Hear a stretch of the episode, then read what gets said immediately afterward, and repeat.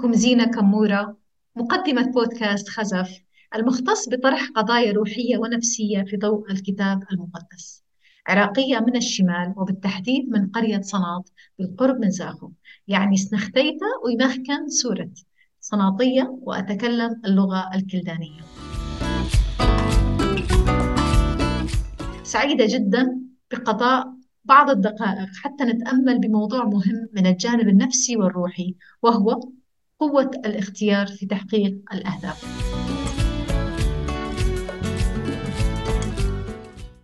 عادة نأخذ العديد من القرارات والخيارات بشكل يومي.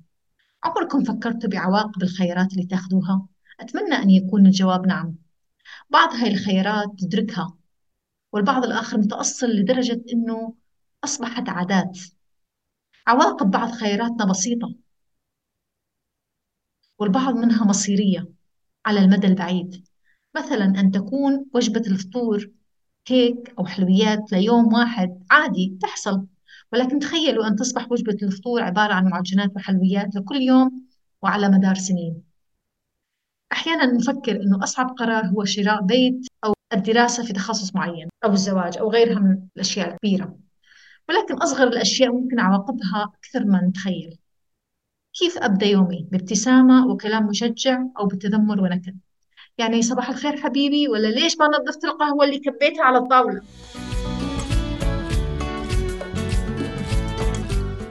هناك أربع طرق تفكير مدمرة تؤثر على نوع قراراتنا. أولها الشفقة على الذات. يعني أنا دائما الضحية في البيت في العمل في المجتمع في الكنيسة. والثاني هي إعطاء الناس حجم أكبر من اللازم لدرجة أنه يصبح عندهم القدرة على أن يسيطروا على حياتنا من خلال انعدام وجود حدود صحية بيننا وبينهم. وثالث طريقة تفكير مدمرة هي الاعتقاد غير السليم عن العالم. إما هو عالم وردي وكلك على بعضك حلو أو النقيض الآخر أنه العالم مخيف ومظلم ولا يمكن الوثوق بأي إنسان.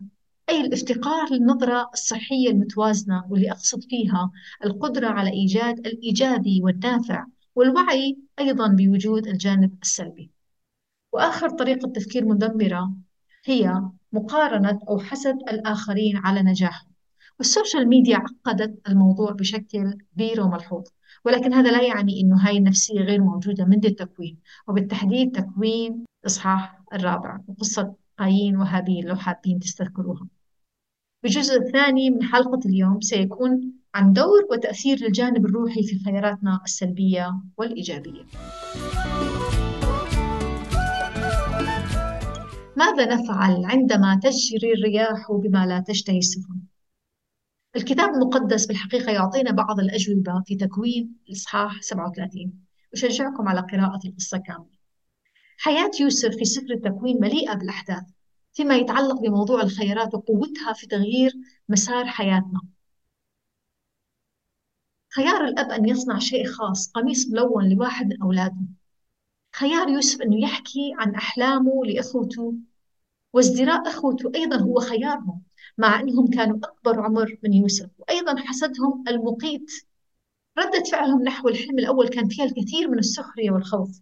يوسف أيضا يشارك أحلامه مع أشخاص غير ناضجين وغير مستعدين. إخوة يوسف احتالوا عليه حتى يميتوه وباعوه للغرباء. وهذا دليل أنه الحسد والغيرة هي ليست مشاعر عادية بالعكس يجب أن نتعامل معها بشكل جذري ونتخلص منها لأنه عواقبها وخيمة.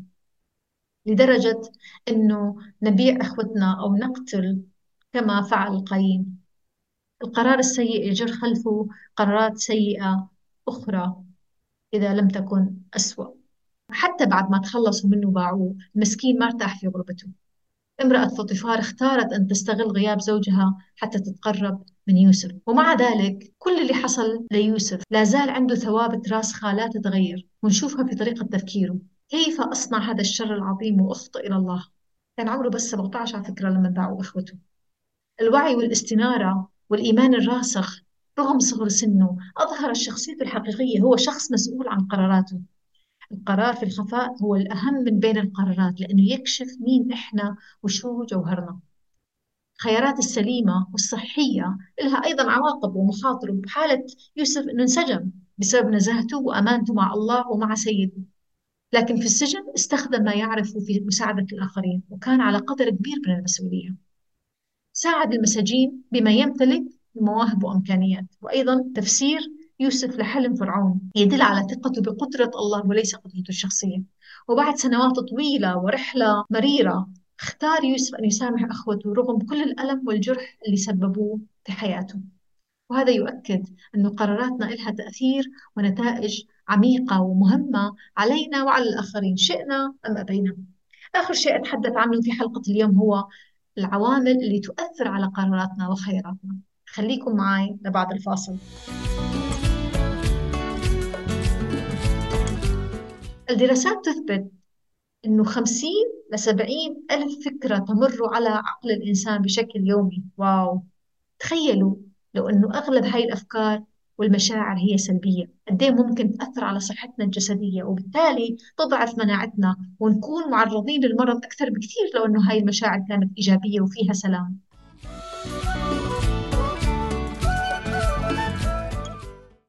بعض أهم العوامل اللي تؤثر بشكل كبير على خياراتنا أو قراراتنا. أولها هو تأثير صاحب القرار نفسه. وبليز أخوي المستمع ما تقول حواء هي اللي أعطتني فأكلت. أيا من كانت حواء في حياتك زوجتك والدتك أختك مديرك في الشغل. وأختي المستمعة ما تحكي إنه الحية أغوتني أيا من كانت الحية في حياتك. ولكن حتى نكون منصفين قراراتنا الصعبة والبسيطة هي بالحقيقة متأثرة إلى حد كبير بعدة عوامل. أهمها هي القيم والمعتقدات الدينية لأن خياراتنا عادة تعكس إيماننا الشخصي. العامل الثاني هو تركيبتنا النفسية مشاعرنا واللي غالبا ما تؤثر بشكل كبير على قراراتنا. إذا كنا أشخاص قلقين وعندنا الخوف مسيطر على قراراتنا سنبقى في مكان راحتنا. رح نبقى في ال comfort zone أما إذا كنا نتحلى بالشجاعة والثقة بالنفس ستعطينا فرص للارتقاء إلى مستوى التحدي والتغيير نحو الأفضل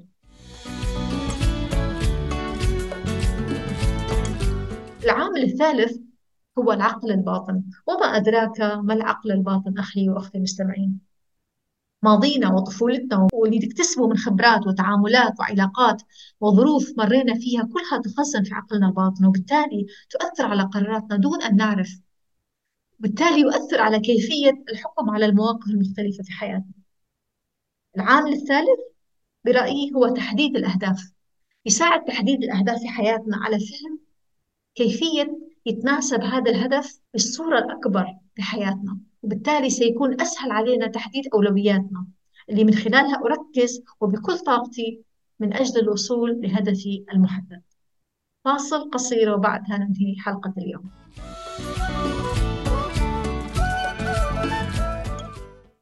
بعض الأمور العملية لصحة نفسية وجسدية أفضل. مراقبة أفكارنا أول ما نصحى من النوم. هل هي أفكار سلبية وفيها تذمر؟ لأن القدرة الجسدية والنفسية تحتاج لعادات مثل الشكر والامتنان مثل اختيار كلمات جديدة غير اللي تعودنا على استخدامها. ممكن فعلا أن تصنع فرق في يومنا ونفسيتنا. لما نشوف الجو مغيم بدل ما نقول يا ساتر اليوم مبين من أوله ممكن نستبدلها بكلمات ثانية مثل شكرا يا رب لأنك منحتني يوم جديد شخصيا الإيجابي أو الخيار الإيجابي في حياتي هو الرياضة اليومية. أما الخيار السلبي هو الوقت اللي أقضيه بال social media على أمور لا تستحق ولا تؤثر في حياتي إلا بالشكل السلبي. يا ترى شنو هي القرارات والخيارات اللي محتاجين تبقوها في حياتكم لأنه نتائجها إيجابية؟ وأيضا شو هي الخيارات السلبية اللي محتاجين تتخلصوا منها من أجل تحقيق أهدافكم؟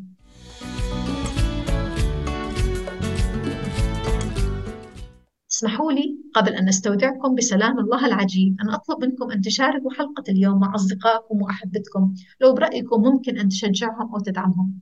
بودكاست خزف يذاع كل يوم ثلاثاء وموجود على اليوتيوب والفيسبوك وموقعي الإلكتروني على زينكمورا دوت كوم. Z I N A K A M O U R A. ولنا لقاء.